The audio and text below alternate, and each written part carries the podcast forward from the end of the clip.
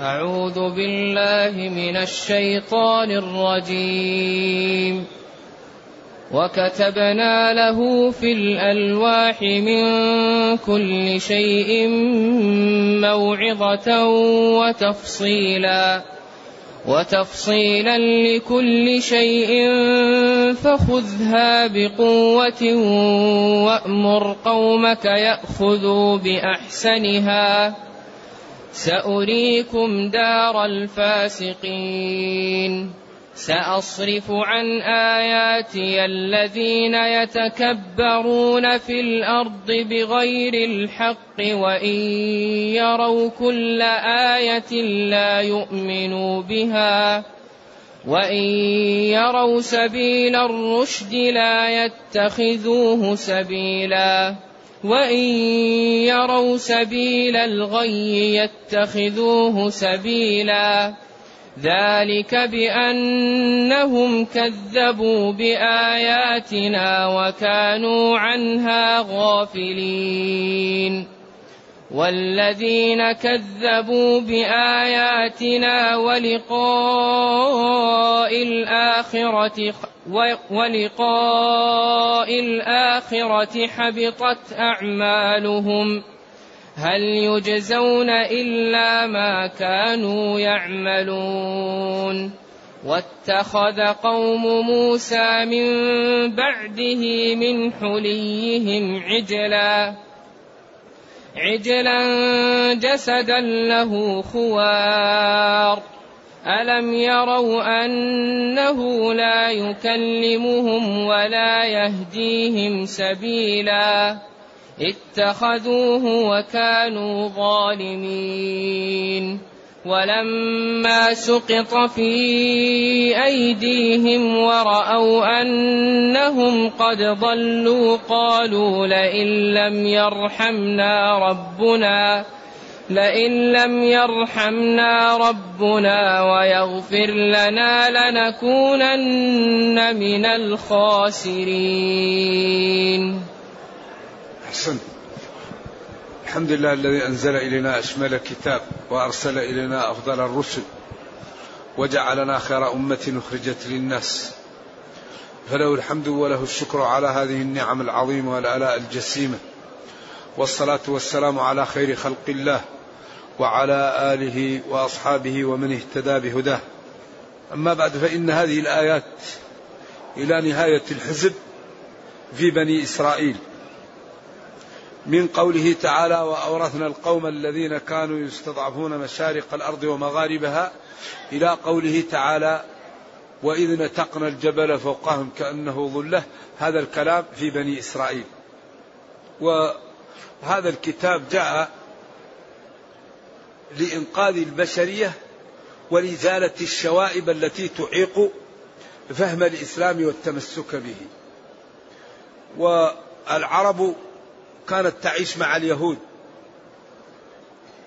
وكانت اليهود أهل كتاب. وكان في نفوس العرب احتراما لهم. كان في نفوس العرب احترام لهؤلاء نتيجة لأنهم أهل كتاب. فالإسلام جاء يوضح أن اليهود ليسوا أهلا للقدوة وأنهم كذبة وأنهم قوم به وأنهم كلما أعطاهم الله من النعم يقابل تلك النعم بالكفران. إذا هم ليسوا قدوة. لا تغتر بهم وكثير من هذا الكلام هو يعني إياك يعني واسمعي يا جارة. يخاطب به من كان بين ظهراني المسلمين ممن كان يحترم اليهود. لذلك هنا يقول وكتبنا له أي وكتبنا لموسى. كتب الله لموسى في الألواح. الألواح جمع لوح. واللوح هو المعروف القطعة من الخشب تكون مستدرة مستطيلة أو مربعة في الغالب.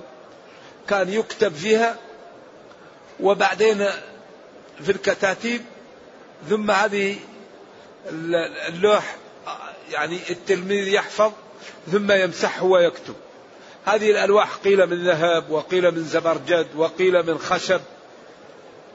كتب الله لموسى فيها التوراة ووعدهم وذهب وأتى بها. كتبنا أي كتب الله لموسى. في الألواح من كل شيء موعظة من كل شيء موعظة. هذا عموم يقصد به الخصوص عام لكن يقصد به أي ما من شأنه أن يكتب أو يستفيدون منه. كما قال تدمر كل شيء بأمر ربها فأصبحوا لا يرى إلا مساكنهم. مساكنهم شيء لكن ليس هذا المقصود. تدمر كل شيء بأمر ربها مما من شأنها تؤمر بتدميره. وقال تجبى إليه ثمرات كل شيء مما من شأنه يحتاج أو يجبى إليهم. فيكون عموم مقصود به الخصوص أو مخصص بإخراج بعض الأمور منه. كتبنا لموسى في الألواح من كل ما يحتاجونه موعظة. يعني الموعظة هي الخبر أو الكلام الذي إذا قيل للإنسان لأن قلبه وخاف من الله. وأصبح بعد سماعه أقرب إلى الله وأبعد من المعاصي. هذه هي الموعظة. الموعظة الكلام الذي إذا سمعه الإنسان كره المعاصي وأحب الدين وأصبح قريبا من الخير وبعيدا من من الذنوب والشر. ولذلك الموعظة لا تنفع إلا لمن كان في قلبه الخير. التذكير والوعظ ينفع من؟ من كان في قلبه خير. أما الذي لا خير في قلبه إذا سمع التذكير لا يخاف بل يغضب. وإذا قيل له اتق الله أخذته العزة بالإثم. بعض الناس إذا قلت له اتق الله خاف الله ولان وقال لك سمعا وطاعة. وبعضها يقول لك ما الذي عملت ويتنفرز ويغضب. وتفصيلا لكل شيء تفصيلا لكل شيء مما يحتاجونه من الحلال والحرام ومن تعاملهم. فخذها يا نبيي خذ التوراة. ها تعود إلى التوراة. بقوة أي بجد وحزم واجتهاد. كما قال يا يحيى خذ الكتاب. بقوة يعني خذها بقوة أي خذها بحزم واجتهاد وتنفيذ لأوامرها واجتنيب لنواهيها وتطبيق للآداب التي جاءت فيها. يعني بحزم واجتهاد. وأمر قومك. وأمر بني إسرائيل يأخذوا بأحسنها. قال العلماء فيها واجب وفيها مندوب وفيها حلال وفيها يعني شيء خلاف الأولى وفيها شيء مندوب إليه فيأخذوا بأحسن ما فيها. يعني يأخذوا بالأفضل مما هو موجود فيها لأن التوراة فيها الحسن وفيها الأحسن. قالوا لهم خذوا أحسن ما فيها. كما قال تعالى فبشر عبادي الذين يستمعون القول. لاحظوا يستمعون. بعض الناس ما عنده استعداد ليسمع أصلا. طيب والوحي انقطع. من أين تأتي الهداية؟ إذا كان المسلم لا يستعد لسماع الكلام القرآن السنة المواعظ الدروس المحاضرات. طيب من أين تأتيه الهداية؟ والنبي صلى الله عليه وسلم قال لا نبي بعدي. وهو ليس مستعدا للسماع. من أين تأتيه الهداية؟ ذلك قال فبشر عبادي أي عبادي الفضلاء الشرفاء العقلاء الذين يستمعون القول. الكتاب والسنة والمواعظ. فيتبعون إيش؟ أحسنه. فيتبعون أحسن ما يسمعون. هؤلاء ما حكمهم؟ أولئك الذين هداهم الله وفقهم الله وسلك بهم طريق الخير وأولئك هم أولو الألباب العقول. يفهم من دليل الخطاب أن الذي لا يستمع الله تعالى لم يهديه وجعله لا عقل له. إذا الذي لا يستمع الله تعالى أضله وجعله لا عقل له. نرجو الله السلام والعافية. لذلك هذا الكتاب كتاب يعني حري بنا أن نعطيه من الوقت ما نفهمه. ونتأدب بآدابه ونأتمر بأوامره وننتهي ونبتعد عن نواهيه. فخذها بقوة وأمر قومك يأخذوا بأحسنها بأحسن ما جاء فيها. سأريكم دار الفاسقين. قيل ديار مصر وقيل سيريهم آثار القوم الذين هلكوا من الأنبياء السابقين من عاد. من قوم من من عاد وثمود وقوم لوط وقوم صالح. انه سيريهم دار الفاسقين.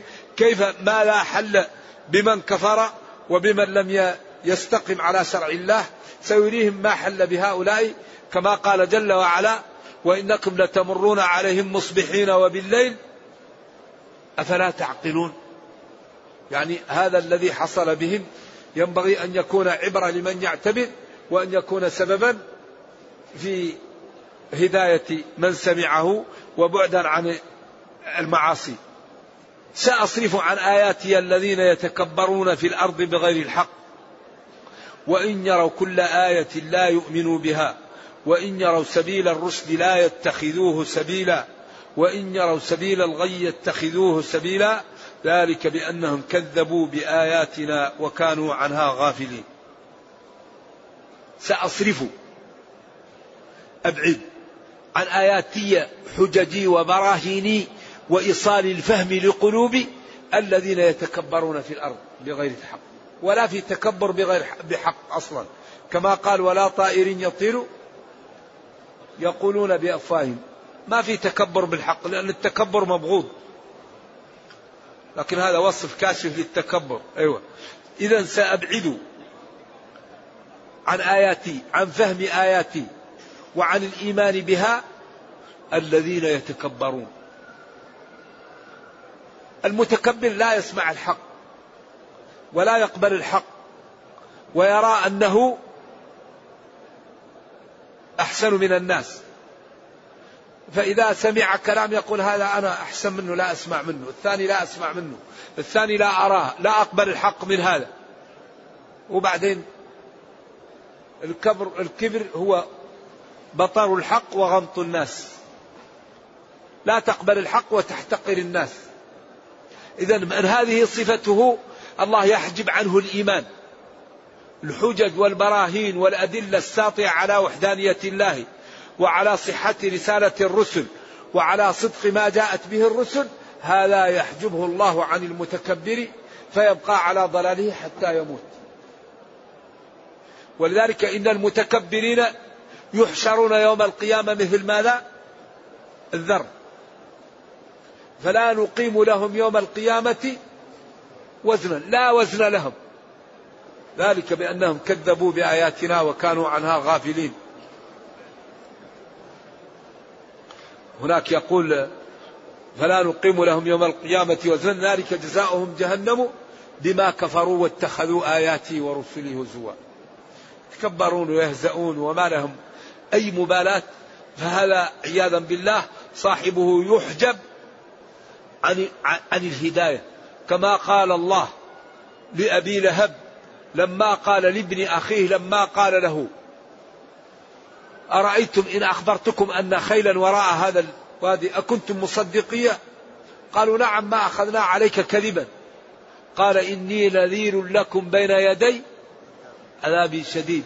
فقال له عمه أبو لهب تبا لك ألسائر اليوم دعوتنا؟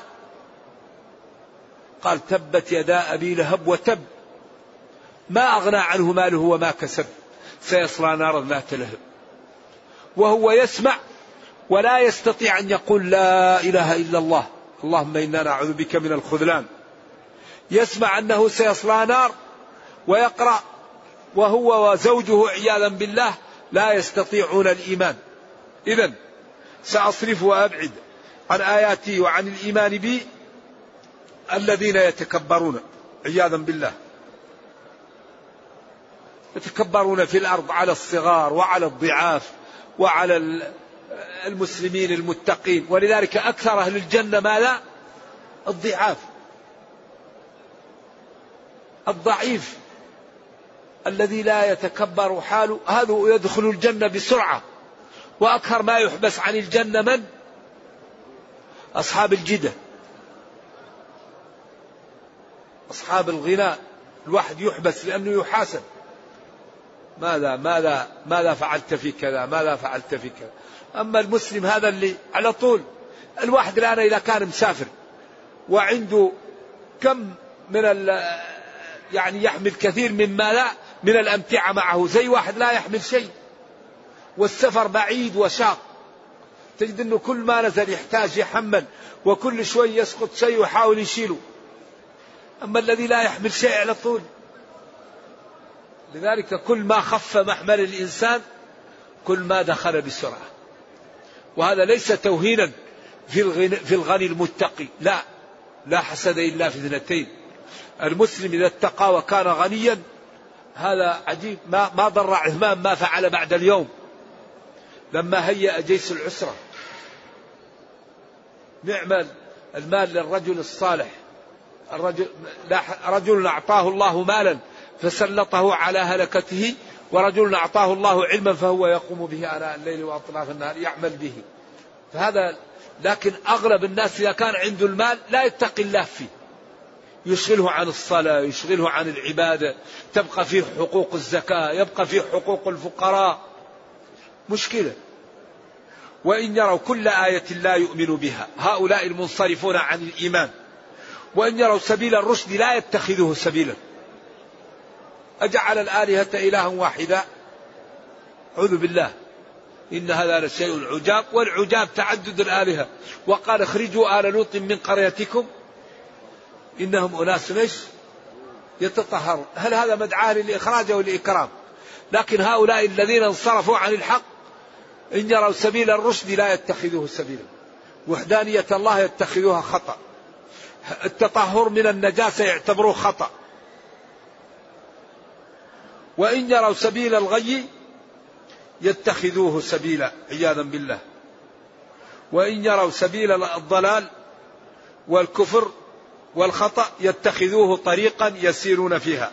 ذلك الذي حصل لهم بأنهم كذبوا بآياتنا كذبوا بوحدانية الله وبرسله. وبما جاءوا به وبالأدلة الساطعة التي لا لبس فيها على وحدانيته وعلى شمول علمه وإحاطته وعلى أن له جنة ونار ويكرم المتقين ويعاقب المجرمين. كذبوا بهذا. وكانوا عنها غافلين. كانوا عن آياتنا وعن ما جئنا به غافلين. لا لا يفهمون ولا يستمعون. ولا ولا يتدبرون ولا يتعقلون. عياذا بالله موارد العلم عطلوها. لذلك هذه موارد العلم أعطيت لنا لنشكر الله. والله أخرجكم من بطون أمهاتكم. لا تعلمون شيئا وجعل لكم السمع والأبصار والأفئدة لعلكم تشكرون. هذه نعم يشكر الله عليها ولا تستعمل في معاصي الله. وقال في حق الذين أضلهم عياذا بالله ولقد ذرأنا لجهنم كثيرا من الجن والإنس لهم قلوب لا يفقهون بها ولهم أعين لا يبصرون بها ولهم آذان لا يسمعون بها الحق لا يبصرون الحق لا يعقلون الحق. أولئك كالأنعام بل هم أضل. والله لا عذر بعد هذا البيان الواضح. الذي لا لبس فيه ولا خفاء ولذلك حري بنا أن نجتهد ونتعاون على إنقاذ أهل الأرض من الضلال. المسلمون أمان فيهم أن ينقذوا أهل الأرض من الكفر. بهذا الكتاب الذي أخبر الله أنه تبيان لكل شيء وأنه لا يأتيه الباطل من بين يديه ولا من خلفه وأنه لا تنزل في العالم نازلة إلا وفي هذا الكتاب السبيل إلى حلها. فالمسؤولية على المسلمين عظيمة أنهم يجتهدون لإنقاذ البشرية من الكفر ومن الضلال بهذا الكتاب وبهذه السنة التي أمر نبينا أن يبينه بها. فقيل له لتبين للناس ما نزل إليهم. ثم قال والذين كذبوا بآياتنا بأدلتنا وبراهيننا وبحججنا ووحدانيتنا وألوهيتنا وربوبيتنا وبأسمائنا وصفاتنا وبرسلنا وبما جئنا به من أركان الإيمان والإسلام والذين كذبوا بذلك وكذبوا بالبعث بعد الموت حبطت أعمالهم. هذه أكبر كارثة. حبطت أعمالهم. وبعدين كأنه قال إذا ما الذي يجزون؟ ما كانوا يعملون. ما كانوا يعملون من الكفر والضلال. لأن الذي يكفر أعماله يشخط عليه لا حسنة مع, مع, مع الكفر. وقدمنا إلى ما عملوا من عمل فجعلناه هباء منثرا ومن يشرك بالله فقد حرم الله عليه الجنة ومأواه النار. ومن يشرك بالله فكأن ما خر من السماء فتخطفه الطير أو تهوي به الريح في مكان سحيق. إذا لا خطر أعظم من من الشرك الكفر. والذين كذبوا بآياتنا أي بأدلتنا التي أنزلناها على أنبيائنا ولقاء الآخرة وبالبعث بعد يوم يوم القيامة حبطت أعمالهم. هل نافية؟ استفهام بمعنى النفي. هل ما يجزون يكافئون إلا ما كانوا يعملونه أو بعملهم ما موصولة أو مصدرية. هل ما يتماسك والاستثناء مفرغ يجزون عملهم أو يجزون بعملهم؟ يجزون عملهم أو يجزون بالذي يعملونه؟ هل ما يجزون يكافئون إلا ما كانوا يعملون إلا بعملهم.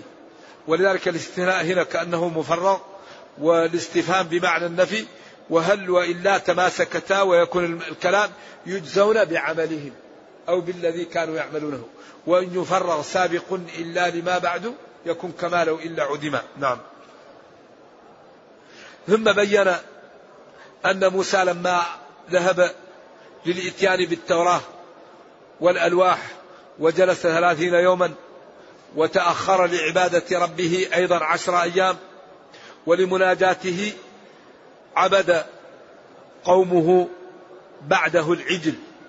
ولذلك قال واتخذ قوم موسى من بعده أي ذهابه للإتيان بالألواح من بعده من حليهم عجلا جسدا. قيل إن بني إسرائيل استعاروا كثيرا من الحل من القبط قبل سفرهم ثم سافروا به فأخذه منهم السامري وقال لهم هذا محرم عليكم وصاغه وجمعه وأذابه وجعل منه حليا جعل منه صورة عجل جسد ثم أخذ من قبضة فرس جبريل ورماها عليه فأصبح له خوار. وهذا بيان لما لليهود من الكفر وعدم شكر النعم وأنكم يا قريش ويا أنصار الذين تساكنون اليهود ليسوا أهلا للقدوة وليسوا أهلا لأن يتبعوا فإن من شأنهم ومن ديدنهم الكفر والطغيان ومقابلة النعم بالكفران وأنهم ناس أصحاب مهت وكفر وضلال. هذا الذي يراد بهذه الآيات ويبين نعم. واتخذ استعمل قوم موسى من بعد ذهابه من حليهم ذهبهم وفضتهم عجلا يعني صاغوه وصوروه جسدا يعني كأنه كالجسد له خوار له صوت خوار وهو صياح البقر. صوت البقر. ألم يروا بأعينهم وينتبهوا بعقولهم أنه لا يكلمهم ولا يهديهم سبيلا؟ ومن حق الذي يعبد أن يكون يخلق وهذا هو خلقه وصوره ورمى عليه وأصبح يخور وهو ليس فيه حياة. اتخذوه والحال أنهم كانوا ظالمين خارجين عن طاعة الله وعن الأمور التي ينبغي أن يكونوا عليها. ثم بعد ذلك ندموا وتبين لهم خطورة ما فعلوا وسقط في أيديهم بالندم وروا أنهم قد ضلوا بفعلهم. قالوا لئن لم يرحمنا ربنا ويغفر لنا لنكونن من الخاسرين الناقصين حظوظهم الواقعين في الهلكة ونرجو الله جل وعلا أن لا يجعلنا وإياكم من الخاسرين ولا من الهالكين. ونرجو الله جل وعلا أن يرينا الحق حقا ويرزقنا اتباعه وأن يرينا الباطل باطلا ويرزقنا اجتنابه وأن لا يجعل الأمر ملتبسا علينا فنضل. إنه خير مسؤول والقادر على ذلك. وصلى الله وسلم وبارك على نبينا محمد وعلى آله وصحبه والسلام عليكم ورحمة الله وبركاته. يقول كيف صلاة الاستسقاء؟ هي ما ترى غدا إن شاء الله. ما ترى غدا إن شاء الله. تصلي الفجر هنا وتجلس حتى تطلع الشمس قيد رمح وتسمع الصلاة.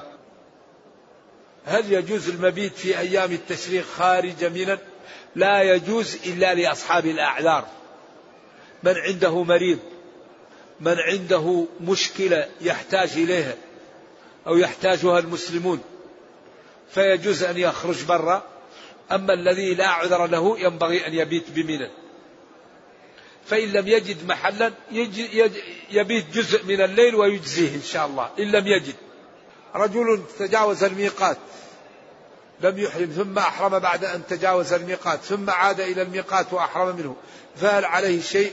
للعلماء في ذلك قولان. قول أنه ما دام تجاوز الميقات يلزمه دمه. رجع أم لم يرجع؟ والقول الثاني أنه إذا رجع إلى الميقات لا دم عليه. نعم.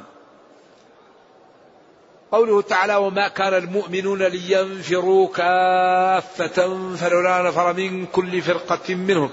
طائفة ليتفقهوا في الدين. ما المقصود بهذه الآية؟ الجهاد الذي في هذه الآية هو فرض عين أو فرض الكفاية. هذه الآية للعلماء فيها قولان. قول هو أنه ما كان للمؤمنين أن ينفروا كافة في الجهاد وإنما يذهب للجهاد فرقة منهم وتبقى فرقة مع النبي صلى الله عليه وسلم تتعلم الحلال والحرام وتبين ليتفقهوا في الدين. هؤلاء الذين يبقوا مع النبي صلى الله عليه وسلم ولينذروا قومهم من الذين كانوا في الجهاد إذا رجعوا إليهم. القول الثاني ما كان المؤمنون لينفروا كافة. نعم. فلا فهل لا نفر من كل فرقة منهم طائفة للجهاد ولتتفقه بالجهاد في الدين لما يروا من رحمة الله ومن نصرة المسلمين؟ ومن فهم الشريعة لممارسة الجهاد ولينذروا قومهم إذا رجعوا إليهم لأن هذا الدين يجب أن يتمسك به وأن يعمل به وأن يجاهد من أجله. والجمهور على أن الجهاد فرض كفاية. وفي صحيح البخاري باب من آمن دخل الجنة جاهد في سبيل الله أم بقي في بلده الذي ولد فيه. قال أفلا نبشر الناس قال إن في الجنة مئة درجة أعدها الله للمجاهدين. قال لا يعدل الجهاد إلا أن يظل الإنسان قائم صائم ويبيت قائم. هذا الذي يعدل الجهاد. لا. نعم. من اغبرت قدماه في سبيل الله حرم الله عليه النار. لغدوة أو روحة في سبيل الله خير من الدنيا وما فيها. ولكن الجهاد لماذا لإعلاء كلمة الله. قالوا الرجل يقاتل للمغنم الرجل يقاتل حمية الرجل يقاتل ليرى مكانه. فقال من قاتل لتكون كلمة الله هي العليا. من قاتل لتكون الله كلمة الله. أو من قاتل ضد المستضعفين من المسلمين وما لكم لا تقاتلون في سبيل الله والمستضعفين من الرجال والنساء والولدان. وفي صحيح مسلم من قتل دون ماله فهو شهيد. نعم فالحقيقة وفي الحديث الصحيح ما ترك قوم الجهاد إلا ذلوا. نعم. وهو فرض كفاية على الصحيح. هل التوبة النصوح تكفر الكبائر؟ وما هي التوبة النصوح؟ باختصار جزاك الله خير. التوبة النصوح هي التي تتكون من ثلاث نقاط. إقلاع ونية أن لا يعود والندم. نعم. هل يجوز للمسافر أن يصلي النوافل؟ وهل في مسجد رسول الله صلى الله عليه وسلم تعد بألف صلاة؟ نعم يجوز للمسافر أن يصلي النوافل. ولا في أحد قال تحرم عليه النوافل. لكن بعضهم قال تسقط لكن لا تحرم. بعضهم قال الرواتب للمسافر تسقط. وبعضهم قال هو مخير. في مسجد هل تضاعف النافلة؟ النافلة في البيوت أفضل. صلاة المرء في بيته أفضل إلا المكتوبة. فإما أنها لا تضاعف في المسجد أو فهي في البيت أكثر أجرا. نعم. ما معنى قوله تعالى ثم الذين كفروا بربهم يعدلون ثم هنا لت... لعطف الجمل على الجمل لا للترتيب الزمني. الذين كفروا بربهم يعدلون الأصنام يعدلون بربهم الأصنام يتركون عبادة الله وإيش؟ ويعبدون الأصنام. هذا القول. القول الثاني يسوون الأصنام إيش؟ بالله تعالى. وعلى كلا القولين هذه جريمة كبيرة. إذا سووا الأصنام مع الله هذه كبيرة وكفر. وإذا تركوا عبادة الله وعدلوها إلى الأصنام هذه كبيرة. والآية فيها قولان يعدلون يسوون أو يعدلون يميلون. نعم. عدل به. نعم. ما حكم المهنة التي تنهيك على حلق اللحية عند أمي ولا تعرف؟ فماذا؟ إيش من فضلك؟ ما حكمه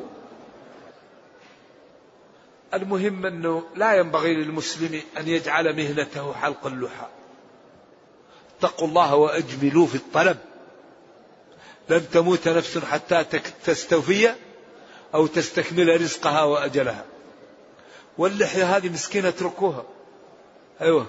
لأن ربنا قال أوفروا أسبلوا أسدلوا. أمرني ربي أن أقص هذا وأترك هذا. وكان كث اللحية وقال أولئك الذين هدى الله فبهداه مقتدي وقالوا ابن أم لا تأخذ بلحيتي. فحلقها محرم بالكتاب والسنة وبالإجماع فيتركها لوجه الله ويعلم أن هذا الدين ابتلاء.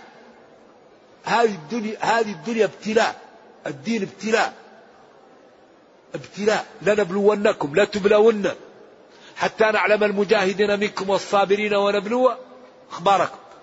إبراهيم ماذا قال له ربه لما صار إسماعيل يمشي معه؟ قال له اذبح الولد. بلد وحيد وتو يساعدني على بناء الكعبة ونحتاج إليه. قال له اذبحه. قال له يا أبت افعل ما تؤمر ستجدني إن شاء الله من الصابرين. فلما أسلما لأمر الله وتله للجبين.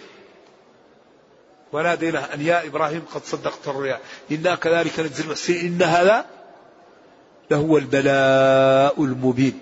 لتبلون ولنبلونكم فالإنسان لازم إذا كان والذي يريد أن يسخر منك لأنك عندك السنة قل له امنعني من الموت. قل له امنعني من الموت جزاك الله خير. ما دام الله يقول كل نفس ذائقة الموت وإنما توفون أجوركم فينبغي للإنسان أن يتقي الله وأن يعلم أنه لا ينفعه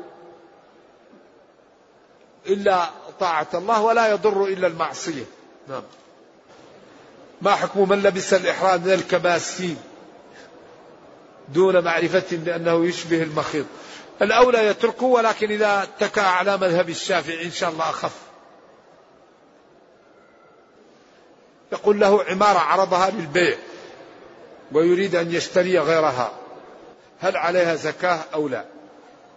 المال نوعان. نوع من المال للقنية كالبيت تسكنه. والدابة تركبها. والثوب تلبسه. هذا لا زكاة فيه. لكن أي مال يخرج لك مال لا يخلو من أن يكون عن طريق التجارة أو عن طريق كرائه. إذا كانت عندك دور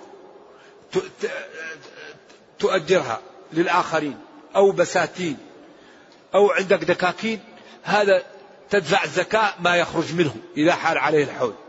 إذا كانت هذه العماير وهذه الأراضي هي انفسها للتجارة تبيع وتشتري فيها تجمعها مع ما عندك في نهاية السنة وتزكيها كل سنة. إذا في فرق بين من له أراضي يريد أن يبنيها أو عنده عماير يؤجرها أو عنده دكاكين في فرق بين هذا وبين من هي الأصول عاملها للتجارة. أما الحبوب والثمار كل ما حصدت تأتي بصدقتها. وآتوا حقه. أما الأنعام فهي تزكى بعد الحول وكلها معروفة. إذا البضائع والتجارة والأراضي والبيوت التي هي أصولها للتجارة هذه تجمع في نهاية السنة ويدفع منها 2.5% الثمار عند حصادها. الذي هو أصول أنت تستأجرها تدفع منها إيش؟ مما يخرج منها. لا تزكي أصولها ولكن إذا خرج منها شيء وكان زكاة وحال عليه الحول تدفع منه 2.5% هل ورد أحاديث تدل على مضاعفة نفقة الحج؟ نعم. نفقة الحج مضاعفة. والإنسان ينبغي أن يأتي بالنفقة وينبغي أن وتزودوا فإن خير الزاد التقوى والتقون. الذي يتوكل على الله يأتي بزاده وزاد ويكفي نفسه ويساعد الآخرين. هذا نعم هذا فضل والإنفاق أيام الحج له أجر عظيم. نعم. ولا يكون المسلم عالة على الآخرين. الصلاة وراء الإمام في قراءة الفاتحة جهرا. الذي إذا لم يترك لك الإمام فرصة للقراءة قراءة لك قراءة. ولكن الأولى أن تقرأ الفاتحة. حاول تقرأ الفاتحة.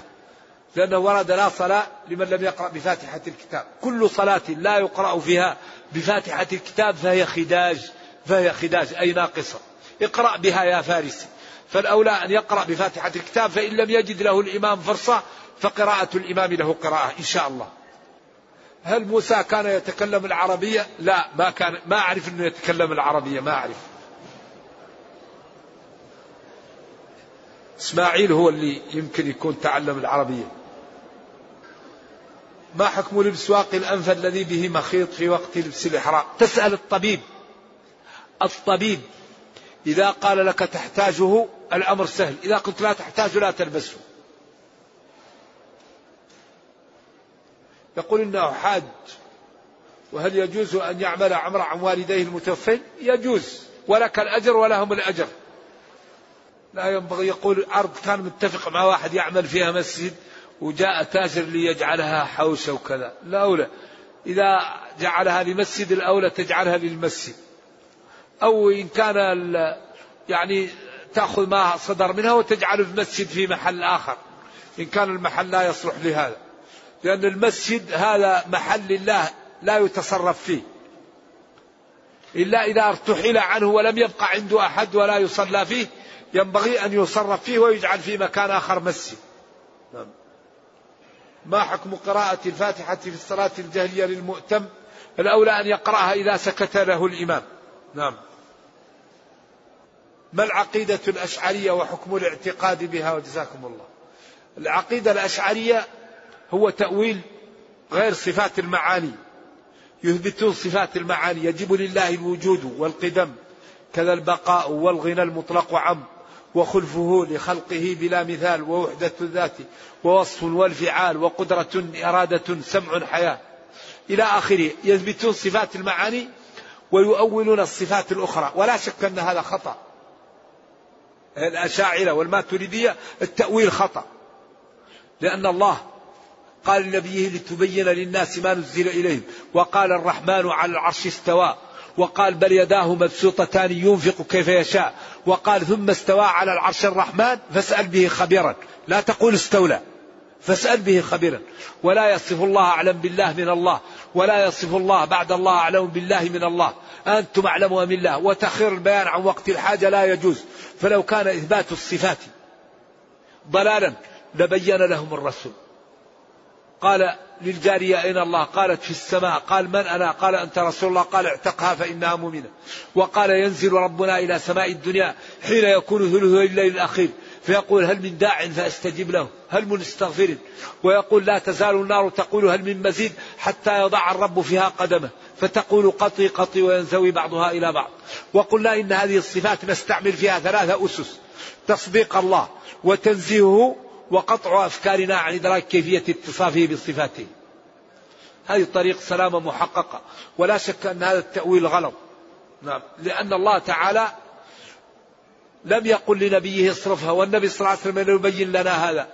وكانت العرب تعرف كلمة خالق من كلمة مخلوق فصفات الخالق متعالية كالخالق وصفات المخلوق المخلوق متحاقرة كالمخلوق وبين الصفة والصفة كما بين الخالق والمخلوق. نعم. وهذا واضح جدا.